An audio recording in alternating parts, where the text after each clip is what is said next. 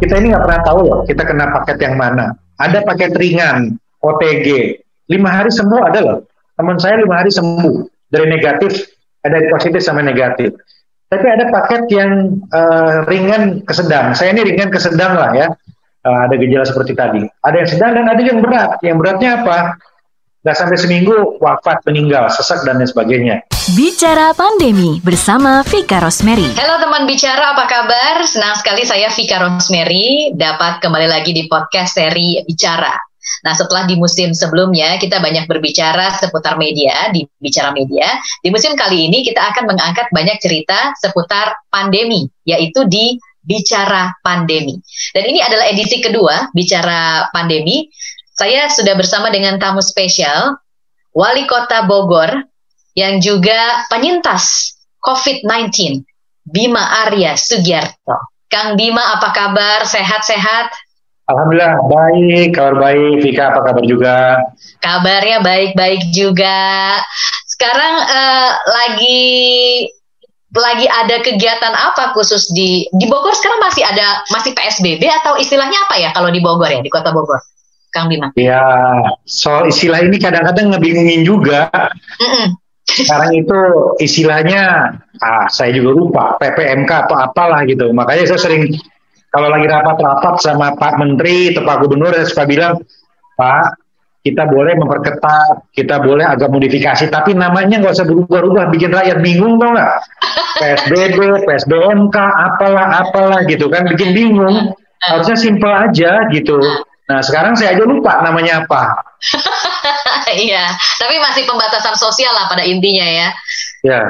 Nah, kondisi iya. Bogor, kondisi Kota Bogor di akhir bulan pertama 2021 ini seperti apa, Kang? Bisa diberikan update-nya? Ya, saya harus sampaikan uh, secara terbuka, kondisinya memang jauh dari aman dan terkendali. Kita hmm. ini terus merayap menuju puncak. Kemarin itu rekor hari itu 120.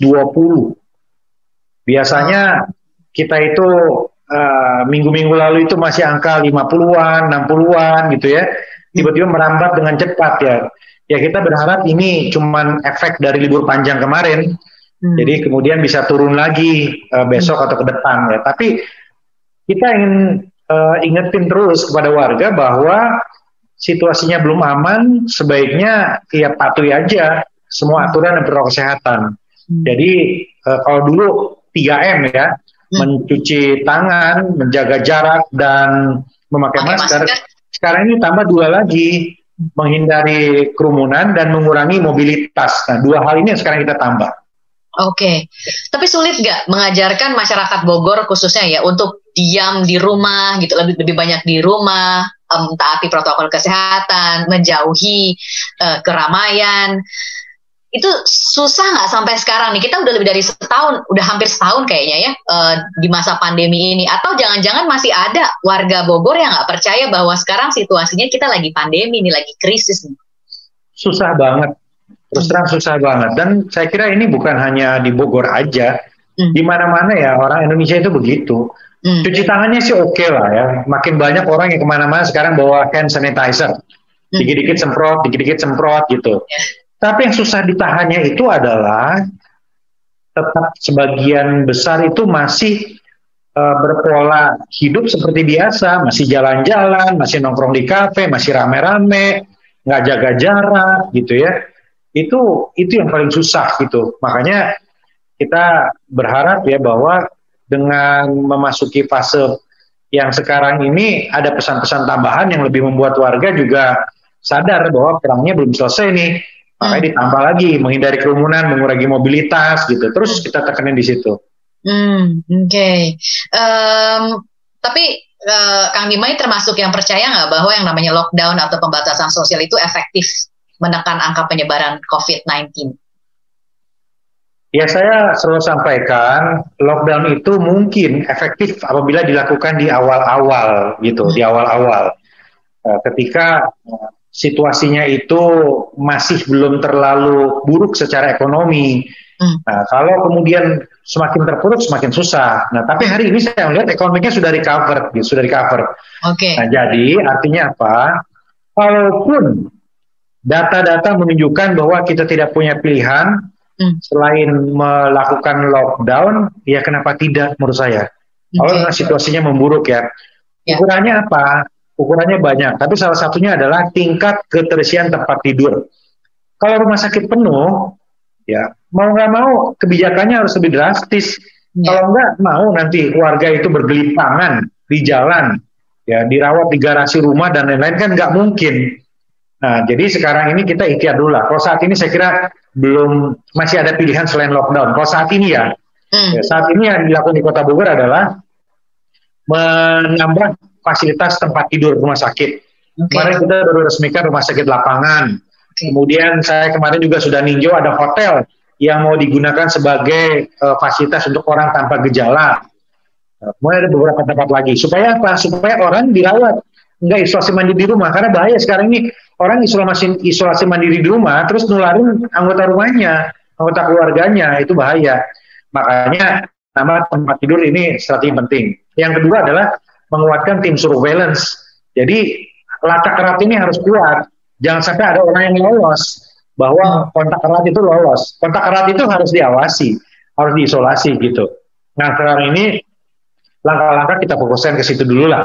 Di hmm. opsi lockdown ini belum. Tapi menurut saya nggak tertutup kemungkinan sekali lagi. Kalau situasinya tidak terkendali, ya apa boleh buat.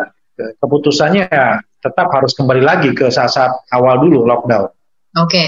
Nah, yang uh, kalau kalau dari pandangan saya sih, Kang Bima saya lihat gini, Bogor nih agak susah juga karena mas warga Bogor itu kebanyakan beraktivitas bekerja di Jakarta jadi warga Bogor yang kerja di Jakarta itu banyak. Mereka yang harus bolak-balik mobilitas ke ke luar Bogor ke Jakarta untuk bekerja itu jumlahnya tidak sedikit. Nah, bagaimana kontrol yang seharusnya efektif dilakukan untuk Kota Bogor? Jawabannya setelah yang uh, berikut ini ya. Tahan dulu ya. uh, Kang Bima. Jadi okay. jangan ke mana-mana, teman bicara. Bicara pandemi masih akan berlanjut lagi bersama dengan Wali Kota Bogor, Bima Arya Sugiarto setelah yang berikut. Tetap di Bicara Pandemi. Teman bicara masih di bicara pandemi, masih bersama saya Vika Rosemary yang sekarang sedang bersama dengan uh, Wali Kota Bogor, uh, Kang Bima Arya Sugiarto yang juga seorang penyintas COVID-19 dan tadi kita sudah bicara di awal uh, update terbaru kondisi Kota Bogor saat ini di akhir bulan pertama tahun 2021 uh, termasuk juga uh, apa yang dilakukan oleh uh, Kang Bima selaku pengambil kebijakan di Kota Bogor untuk menekan angka uh, positif orang yang positif COVID-19 gitu. Semua usaha dan strategi sudah dilakukan tadi Kang Bima bilang udah ada tambahan lagi ada 2M lagi dari 3M yang memang udah dikampanyekan sejak lama gitu. Uh, dan kontrol tapi semuanya itu balik ke kontrol pengawasan saya bilang kalau kita buat aturan yang cukup ketat tapi pengawasannya nggak jalan di lapangan percuma juga nah untuk di kota Bogor sendiri pengawasannya bagaimana Kang? Kita nggak bisa sendiri Pemkot makanya kita dibantu banyak banget pihak ya kita dibantu oleh TNI Polri jadi Pak Kapolres ini gaspol, hmm. mereka membentuk tim khusus untuk patroli ke tempat-tempat umum, hmm. membubarkan kerumunan dan lain-lain. Ya. Hmm. Pak Dandim juga dengan jajaran TNI-nya begitu. Jadi kita dibantu oleh TNI Polri. Kedua, kita dibantu juga oleh uh, teman-teman mahasiswa. Kita punya tim elang yang berkeliling untuk mengawasi protokol kesehatan. Ya, jadi ada ada ada tim elang ya tim yang khusus. Ini terdiri dari teman-teman pemuda. Ada KNPI ada juga teman-teman uh, AMPI di sini gitu. Eh, maaf teman-teman Karang Taruna di sini. Uh, ini bergerak juga gitu. Uh, di samping itu kita juga membuka ruang bagi warga untuk mengadu. Jadi ada nomor hotline. Kalau warga menemukan ada pelanggaran protokol kesehatan atau hal-hal yang rasanya perlu ditindak mereka bisa ngadu di situ dan kita langsung kirim kita tindak hmm. Dan kita ada instrumen denda di sini. Dendanya mulai dari teguran, denda uh, penutupan sementara uh, maupun pencabutan izin. Nah, itu hmm. sanksinya seperti itu. Hmm, Oke. Okay. Nah, Kang Bima ini kan termasuk eh, orang-orang uh, yang awal terkena COVID-19 ya. Jadi belum sampai sebulan kalau saya nggak salah Presiden uh, menyatakan dinyatakan COVID-19 masuk Indonesia, Kang Bima langsung positif, dinyatakan positif. Bisa diceritain nggak, diingat-ingat lagi nggak Kang Bima waktu awal dulu terkena atau dinyatakan positif COVID? Sebetulnya Uh, saya tuh selalu agak gimana gitu ya kalau diminta mengingat-ingat ke kejadian-kejadian itu ya. Suka agak-agak baper. Karena itu masa masa yang nggak mudah gitu tapi nggak apa-apa lah untuk untuk kepentingan edukasi nah, betul, kepentingan betul. kepentingan berbagi informasi nggak apa saya ceritain jadi memang saat itu uh, gejalanya itu seperti gejala demam berdarah okay. gejala tipes gitu mirip okay. banget lah lemas okay. mual-mual cuman waktu itu ada batuknya oke okay. tapi karena saya waktu itu baru pulang dari luar negeri hmm. saya kira itu jet lag biasa aja oke okay. gejala biasa gitu ya Nah, jadi waktu dinyatakan positif ya lima menit pertama shock lah. Lima menit pertama itu shock gitu. Tapi uh, setelah itu ya saya langsung mengambil keputusan penting seperti uh, memutuskan malam itu juga saya minta dibawa langsung ke rumah sakit umum daerah. Kemudian saya minta keluarga dicek lagi swab lagi semua gitu. Karena kita nggak boleh hanya berpikir kita aja ya. Kalau berpikir kita aja yang ngapain dibawa ke rumah sakit, saya minta aja isolasi di rumah. Cuman saya kan khawatir, bisa disiplin nggak di rumah? Kalau kan nularin yang lain gitu. Nah, kemudian saya juga memutuskan untuk mengumumkan ke publik malam itu juga. Kenapa? Karena supaya orang aware. Wali kota aja kena. Saya pasien COVID 001 di kota Bogor gitu. Hmm. Dan bagi yang pernah berinteraksi dengan saya juga harus langsung uh, memeriksakan diri, langsung cek gitu. Jadi penting. Jadi saya kesel terus terang ya kalau melihat orang itu menutup-tutupi ngapain sih ditutup-tutupin? Ini kan bukan aib gitu loh. Semua bisa terkena. Nah, jadi egois lah. Kalau sekarang masih ada orang yang menutup-tutupi, nggak mau terbuka, menurut saya ini orang-orang egois. Orang-orang yang hanya berpikir kepada diri sendiri.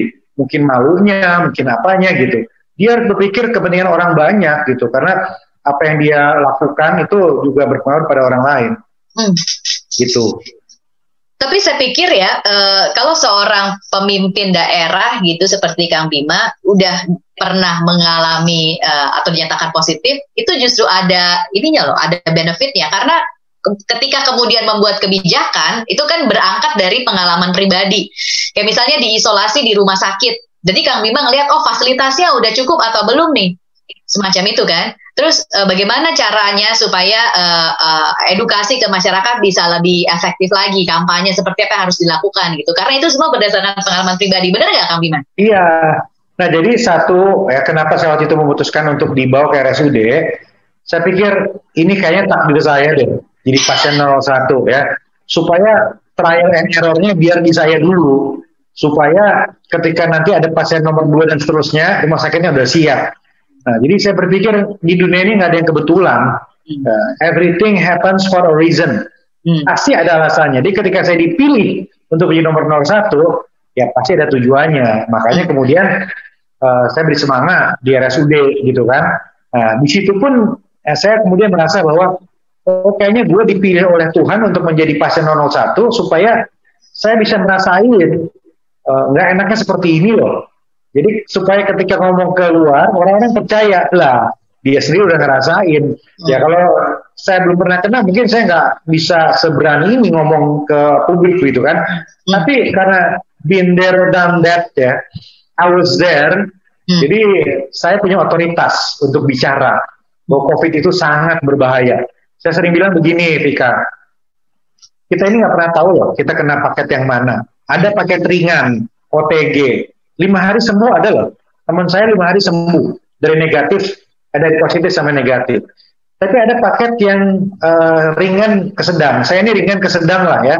Uh, ada gejala seperti tadi. Ada yang sedang dan ada yang berat. Yang beratnya apa? Gak sampai seminggu wafat, meninggal, sesak dan lain sebagainya.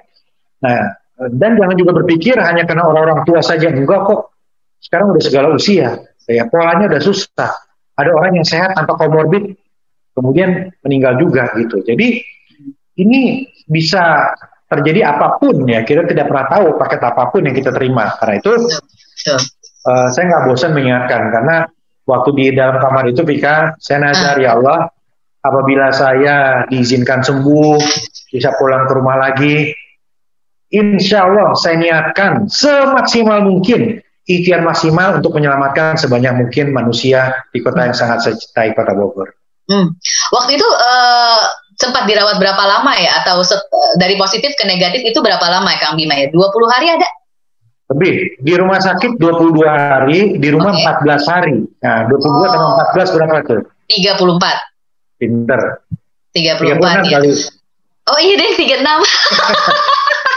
ya, jadi sampai sampai negatif tuh saya 36 kali, di swab oh. 8 kali.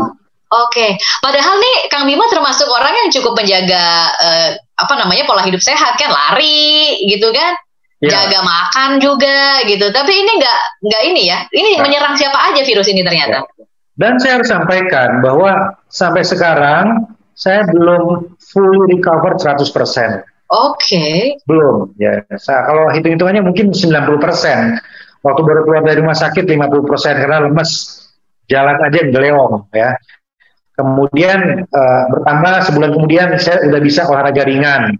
Kemudian udah bisa lari gitu. Tapi sekarang belum di cover 100%. Kenapa? Karena fisik saya belum kembali seperti dulu. Saya belum bisa uh, beraktivitas sampai malam seperti dulu. Kemudian masih suka lelah dan badan ini kadang-kadang suka merasa nggak enak.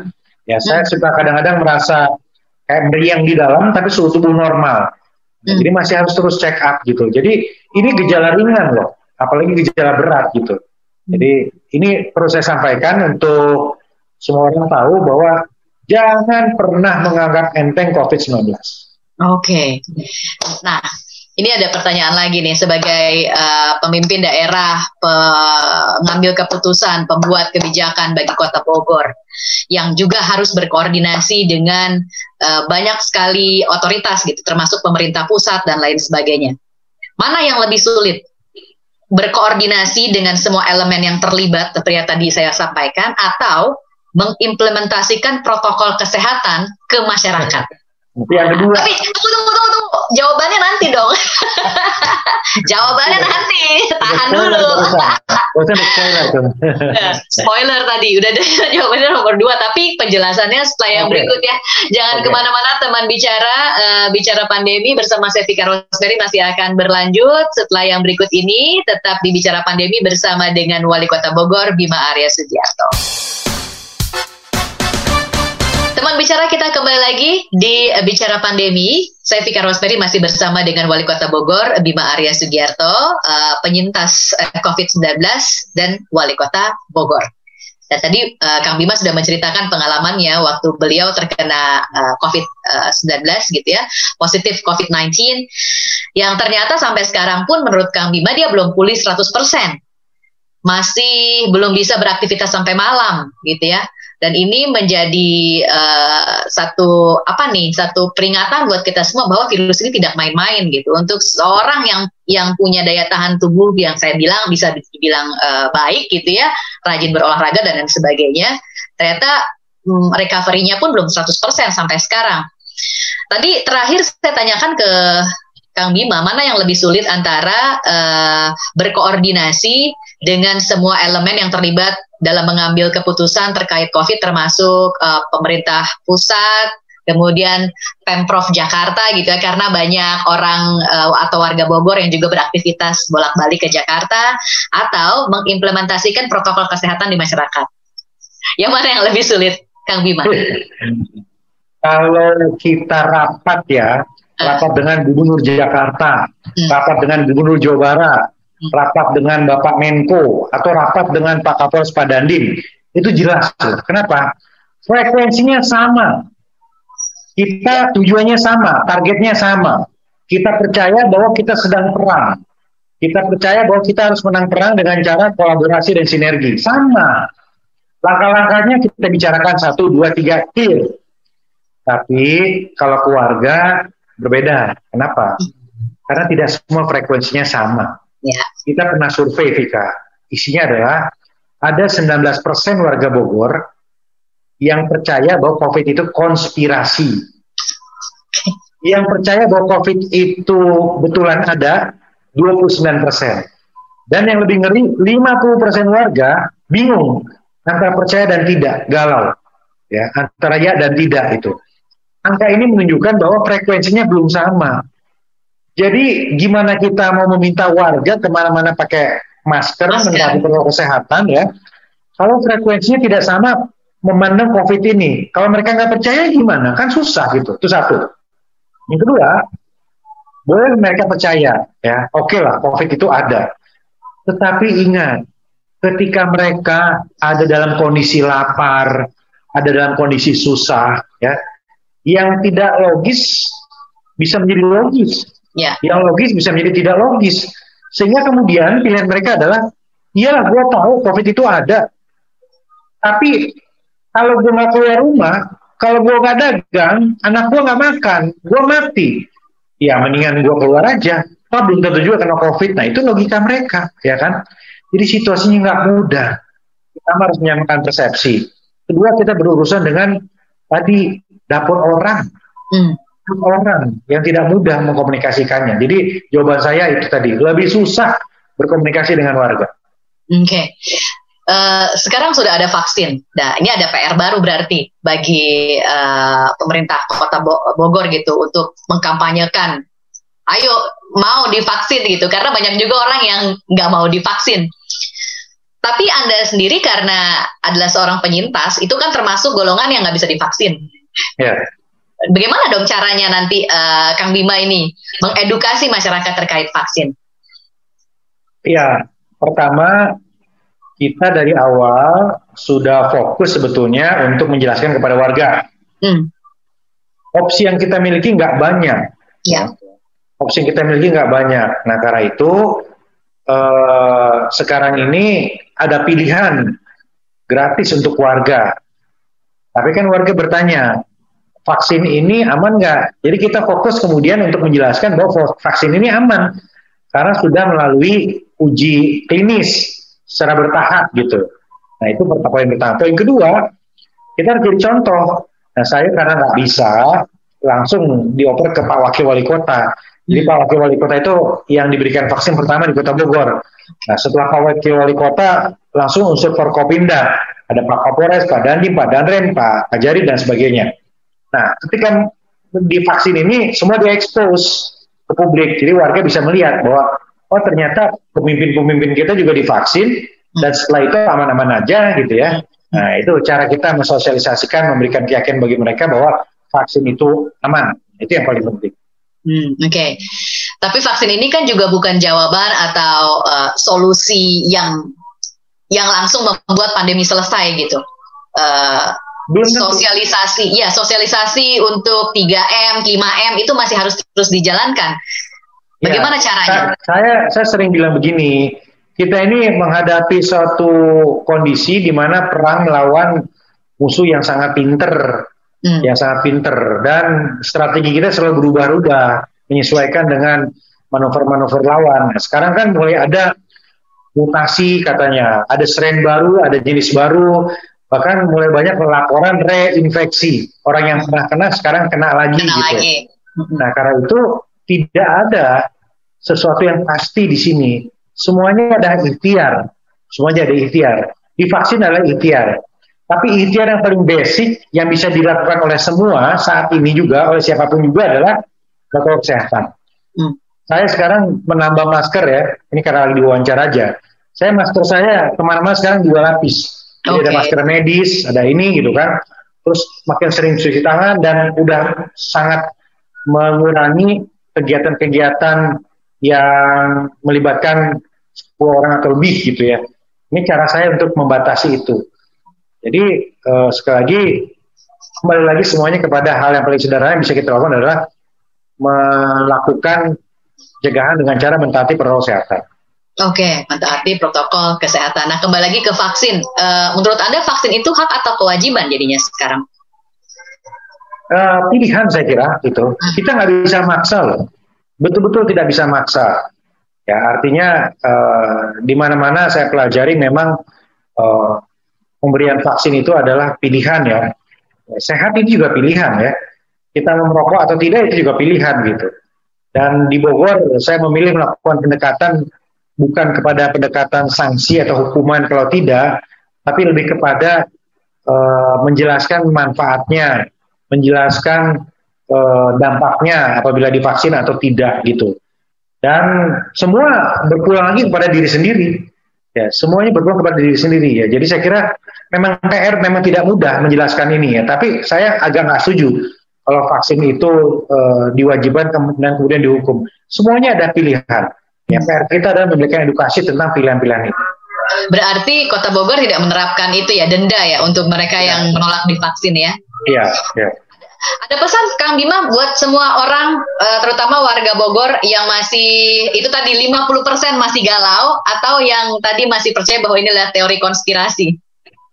Saya ingin mengulangi pesan yang saya sampaikan kalau tidak salah di hari ke-14 ya saya dirawat di ruang isolasi di Rumah Sakit Umum Daerah.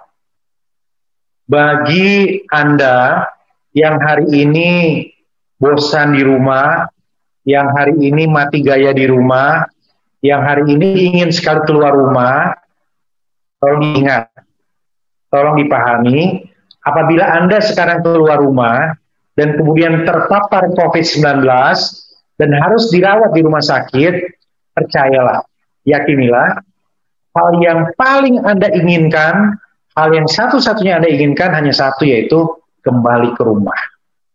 Jadi jaga diri, jaga keluarga Anda, jaga kesehatan Anda. Terima kasih Kang Bima untuk pesannya. Terima kasih juga untuk waktunya ngobrol-ngobrol bersama saya di Bicara Pandemi. Terima kasih Vika, semoga bermanfaat untuk semua ya. Sehat dan semangat untuk pendengar Radio Brava di mana pun Anda berada. Terima kasih. Nah, teman bicara, itu tadi perbincangan saya bersama Wali Kota Bogor, Bima Arya Sugiarto di Bicara Pandemi. Nantikan Bicara Pandemi dengan tamu istimewa lainnya. Saya Vika Rosemary pamit. Bye.